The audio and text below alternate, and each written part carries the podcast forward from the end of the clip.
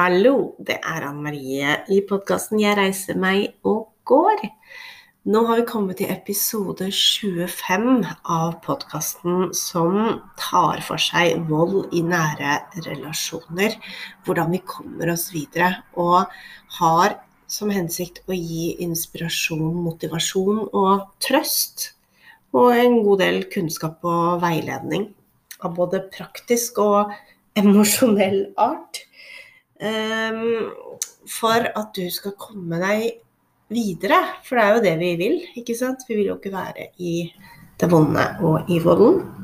Men noen ganger er det sånn at vi har gjort det jeg anser som kanskje det største og det viktigste. Tatt det mest eh, altså krevende valget å forlate en voldelig partner.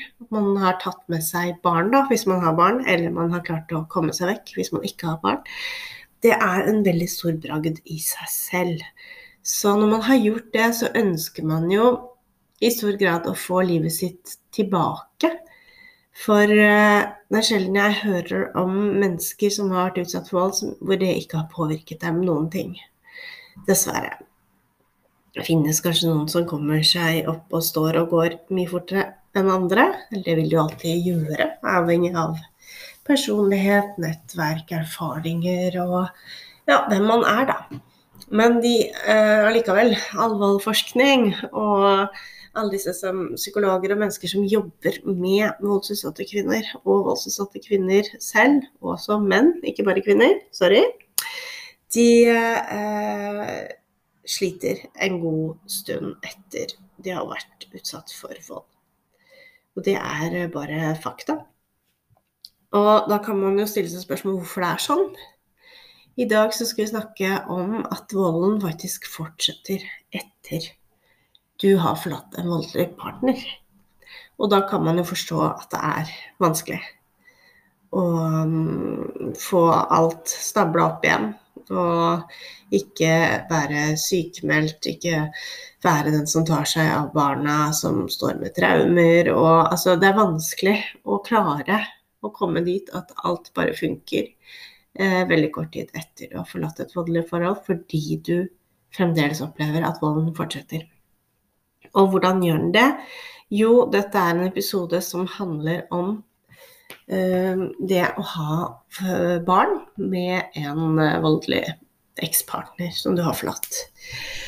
Og det er jo eh, flertallet som opplever at selv om de har hatt en voldelig ekspartner, så må allikevel barnet, og skal barnet, i henhold til norsk lov og rettsvesen, fortsette å ha samvær med voldelig pappa uh, og eksmannen. Jeg får jo veldig mye sterke følelser knytta til uh, denne tematikken. For uh, alt i kroppen sier jo bare at dette er feil. Vi tar jo hensyn til mennesker, at de må heles hvis du har knekt et bein eller du har en fysisk skade, ikke sant. Men da i mye mindre grad tar vi hensyn. Og da vi, da snakker jeg om det norske samfunnet totalt sett, og rettsvesen og dommerfullmektige og sakkyndige og de som jobber på en måte aktivt med dette her, tar jo da i mindre grad hensyn til barn som har vært utsatt for vold, og kvinner som har vært utsatt for vold.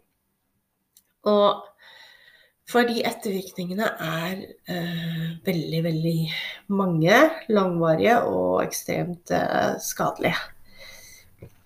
Allikevel så er det slik at eh, dommere i dag sitter og forteller at barna har rett på en far, og far har rett til å se barna. Selv når eh, far har vært eh, truende, slått, skremt, eh, irettesatt både fysisk og psykisk mishandling for med overfor barna overfor mor, så er det veldig ofte likevel at det blir samvær. Jeg blir jo som sagt igjen veldig provosert, for vi snakker jo mye om barn og vold og traumer og ettervirkninger, og voldsforskning og alt sier jo det at det er ikke trygt for et barn å møte en utrygg voksen. Det kan gå bra, men alle som har vært utsatt for det selv, av foreldre, vet jo at ettervirkningene kommer jo i lang tid etterpå.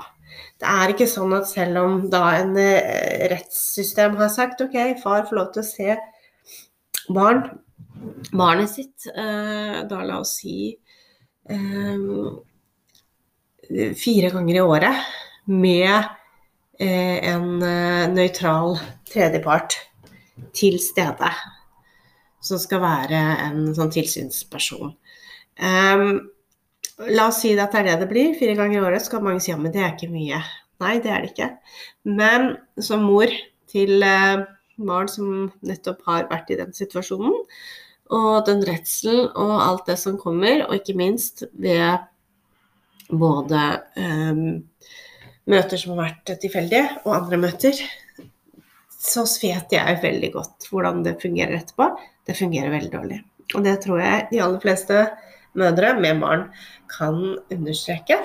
At det rett og slett eh, Det ene møtet, altså fire de som skal være fire ganger i året, la oss si det, det påvirker resten av hverdagen, den fungeringen til barnet på skole eller i barnehage og hjemme.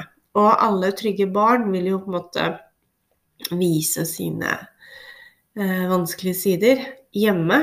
Eh, noen utagerer også på skolen eller i barnehagen og endrer atferd, som igjen da fører til bekymring. ikke sant? Men så er det også veldig mange barn som bare utagerer hjemme. Så det er mor som kanskje må følge til eh, BUP, følge til behandling og til å stå i ganske mange ekstreme situasjoner for, å, for at far skal se barnet sitt som far kanskje ikke er interessert i i det hele tatt.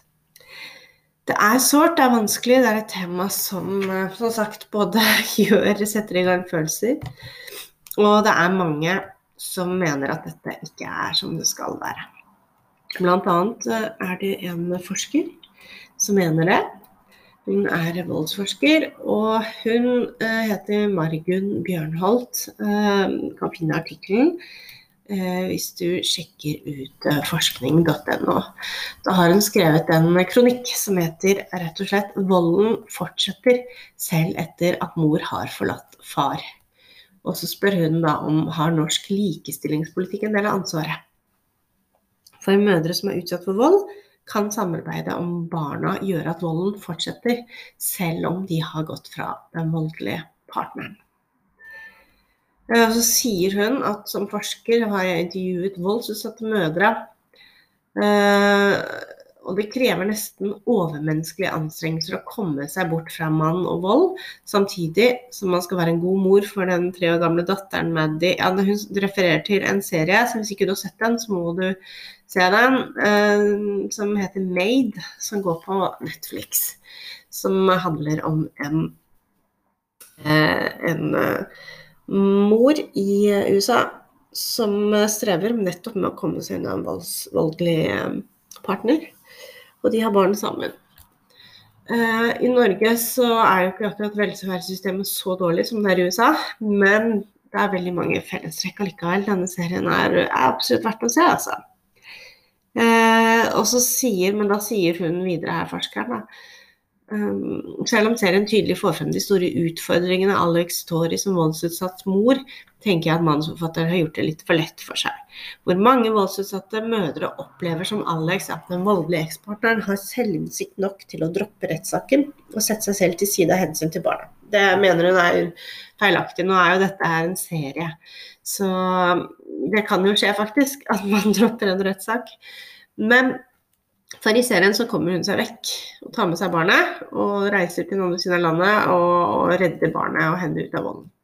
Men så sier jo forskeren det som jo er fakta, og som de fleste kan kjenne seg igjen i, er for de fleste voldsutsatte mødre i Norge i dag eh, vil det ikke være en realistisk mulighet. Altså det å bare komme seg flytte vekk og at alt går bra.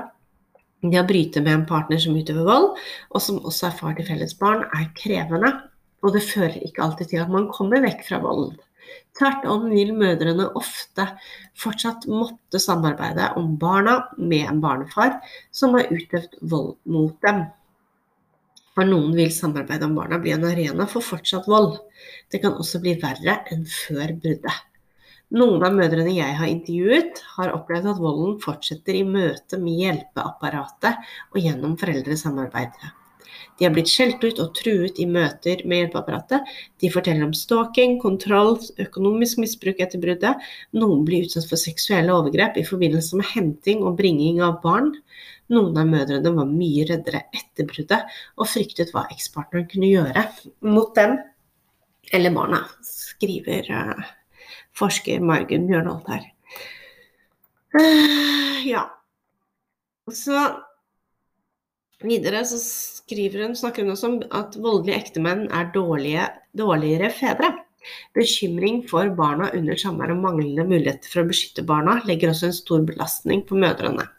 Frykten for at barna skal måtte ha samvær og dermed være alene med en far som mødrene opplever som uegnet, kan også hindre mødre i å bryte opp, mener hun da. Denne frykten er ofte ikke ubegrunnet. Forskning på voldsutøvende menns foreldreskap finner at disse fedrene har dårligere foreldreferdigheter enn gjennomsnittet. De viser liten evne til å ta barnets perspektiv og er mer autoritære, sinte, urimelige og hardhendte, altså vold, da. Eller motsatt uengasjerte og likegyldige. Deres foreldrepraksiser er dermed ganske langt fra det som forventes av foreldre i Norge i dag. Likevel har de fleste fedre, også de som har utøvd vold mot barnas mor, samvær med barna etter samlivsbrudd. Og det er de fleste, altså. Det er som hun sier. Og øh, jeg hadde en liten sånn Jeg skrev en kommentar etter den artikkelen der ble lagt ut, og da var det veldig mye sterke følelser. Blant annet en som påpekte at også kvinner kvinner er voldelige, og det stemmer. Og at det ofte mor får eh, for foreldreansvaret, og det stemmer jo også det uh, i stor grad. Men uh, mange følelser der som noen ganger er vanskelig å unngå, fordi dette er jo Det er jo vanskelige saker, Du skal ikke komme bort ifra det, altså. Dette er ikke lett. Selv om man sier at, at man skal beskyttes, og at et rettsvesen og alle skal eh, gjøre alt for at ikke barn blir utsatt for vold, og ikke minst redsel og frykt i lang tid etter at de faktisk da har kommet seg ut av det voldelige forholdet. Og barnet på en måte er mindre redd, men redselen ligger jo der. Hvis du blir sendt til far og du ikke har lyst til å dra til, ikke sant. Og kanskje du har lyst til å dra til far, men du blir kjemperedd når du møter ham. Det er mange forskjellige versjoner, varianter, og dette skal jeg snakke mer om. Også med en venninne av meg som eh, jeg har ikke fått til dette ennå pga. både litt sykdom og frem og tilbake. Men eh, jeg skal snakke med Elise om akkurat dette. Om barn og barns reaksjoner. Eh, og det å være utsatt for eh, å måtte møte en voldelig far. Da. Hvordan det oppleves. Og hvordan hun, da, for hun jobber med barn i barnevernet, hvordan hun møter disse situasjonene her. Så det blir en spennende ny eh, gjestepodkast når vi får mulighet til det. Som dere hører, så er jeg litt sånn grumsete i målet. Så jeg er akkurat på vei ut av en forkjølelse som har vart lenge. Men tenkte vi måtte få til en podkast likevel. Dette temaet her er svært eh, provoserende, engasjerer meg veldig mye. Så man har jo rett til et liv uten vold. Um, og det som forskeren sier videre her, er at um, Ja, hun sier sånn Samfunnet har vi investert i fedrenes Moderne fedre og tradisjonelle mødre. Hvorfor møter voldsutsatte mødre tilsynelatende så liten forståelse? En forklaring kan ligge i den norske familie- og likestillingspolitikken, mener hun da. Likestilt foreldreskap er selve bærebjelken i likestillingspolitikken.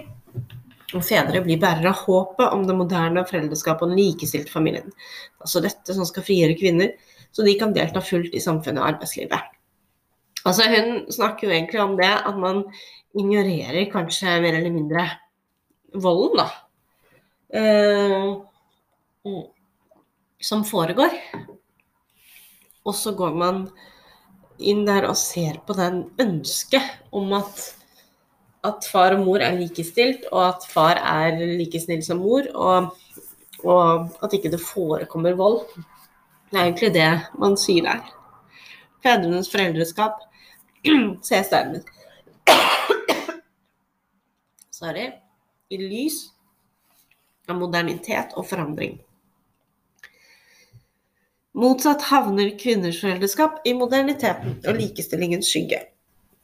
Det kommer til å representere det tradisjonelle kjønnsrollemønsteret som man vil bort fra, og se som et hinder for karriere og likestilling. Som samfunn har vi investert så mye i dette håpet at det blir vanskelig å ta inn over seg når virkeligheten butter mot idealet. Flere av mødrene jeg intervjuer, sier at de opplever at både de og barna ofres for likestillingen. Han skal ha rettigheter, og jeg må kjøre barna på BUP for at de må få til behandling etterpå, som jeg sier. Det er ganske sterkt eh, og riktig observert, akkurat den siste setningen. Altså far skal ha rettigheter, mens mor skal kjøre barna på BUP, eh, barne- og ungdomspsykiatrien, for at de må få behandling etterpå. Det er jo ikke logisk. Det er ikke det.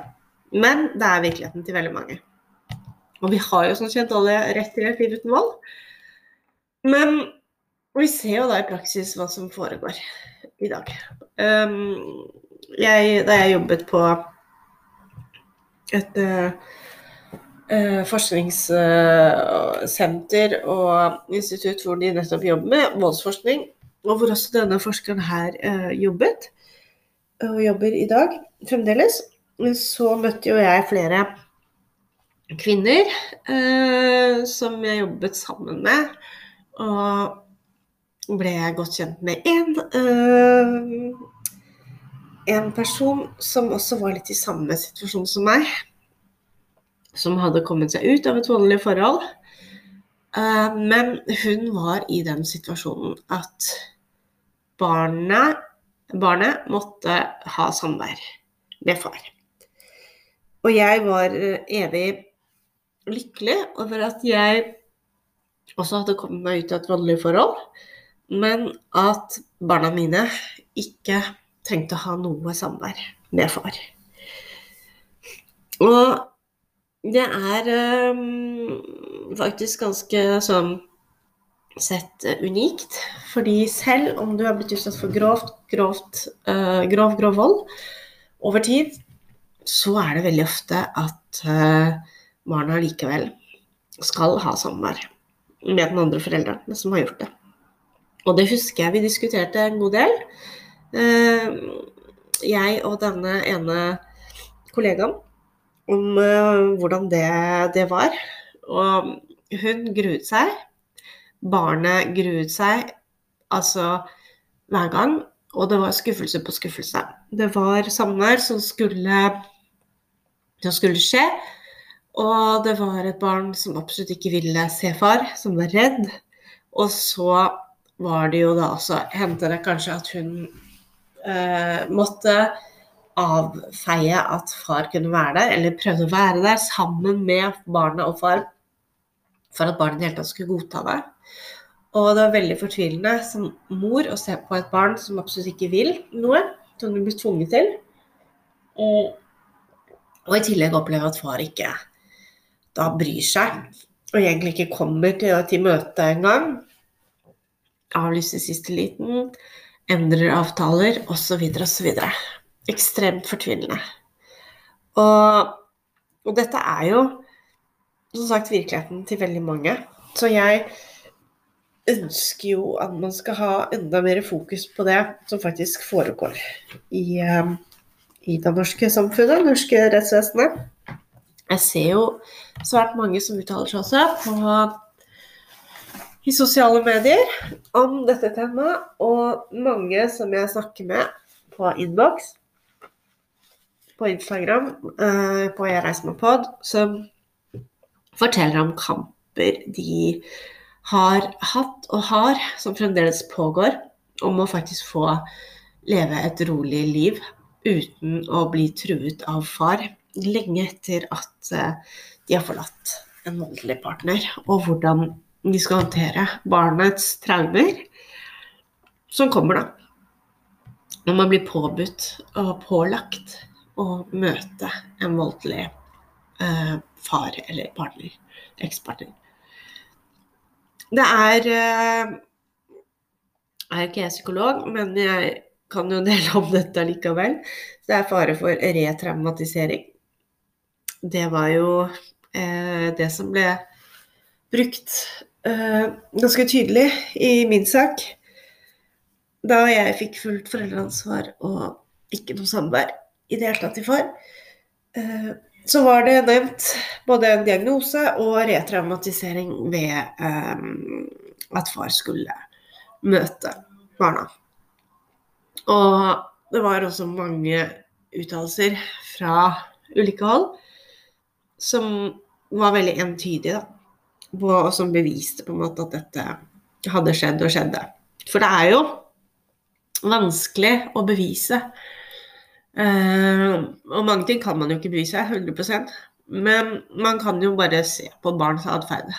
Og det er jo heller ikke sånn at Uh, man ender opp i en rettssak, barnefordelingssak, um, og at man har uh, Altså, det vil være ofte en part som er en part som utøver vold, og den andre som blir utsatt for vold.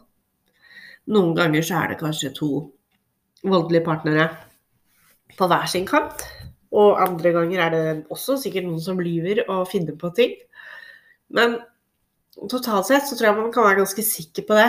At for å ivareta et barns behov, da, og en voldsutsatt eh, kvinne eller manns behov, da, for den saks skyld, så kan man ikke Man kan ikke overse atferd hos barn som eh, helt tydelig kommer og er der. Uh, nå merker jeg at jeg er så tett i nesa. Jeg tror rett og slett jeg må korte ned den episoden. Uh, jeg prøvde i hvert fall. Klør i halsen og tett i nesa. Så det ble en kort episode om, om dette temaet. Om at volden fortsetter etter å ha forlatt en voldelig partner. Jeg kommer til å utdype dette her mer med en kompetent person som er min venninne Elise. Det får bli til neste episode. Ok? Jeg håper at du fikk med deg noe, men eh, sjekk ut den eh, kronikken på forskning.no, og les deg litt opp på temaet. Og står du midt i det, så er det veldig viktig å få tak i en god advokat, noen som kan mye om uh, slike situasjoner, som vet hva vold er, og som ikke lett lar seg avfeie, da. Eh, kan jo si at i en sånn rettssak så er det veldig ofte eh, eh, sakkyndigrapporter som betyr mye hva den psykologen, eller de sakkyndige, flere da, som har blitt satt ned for å finne ut av eh, hvordan situasjonen er, den sakkyndigrapporten har veldig mye å si for en dommer. Og andres utdannelser også, selvfølgelig.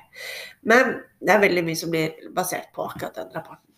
Men vi får snakke mer om det neste gang, for nå ble det mye, mye snørr og, og tull og tøys her. Så jeg håper du får en fin dag, så skal jeg bli helt frisk til neste podkast. Og så høres vi igjen. Ha det bra. Følg med på Jeg reiser meg pod, og send meg gjerne en melding på Instagram der. Ha det bra.